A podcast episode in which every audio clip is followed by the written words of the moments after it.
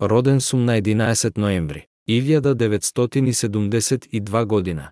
И јас сум инвалидно лице кое живее во државата Израел и страда од серија хронични заболувања заради кои не можам да се вратам на пазарот на трудот.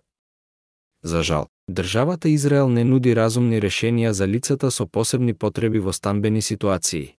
Мојата состојба и онаа на другите луѓе кои живеат сами и сингл без деца се особено сериозни, а исто така и во однос на другите сиромашни луѓе барам организации кои работат или се борат за социјалните права на индивидуалните или самохрани луѓе да соработуваат во борбата за минимално почитување.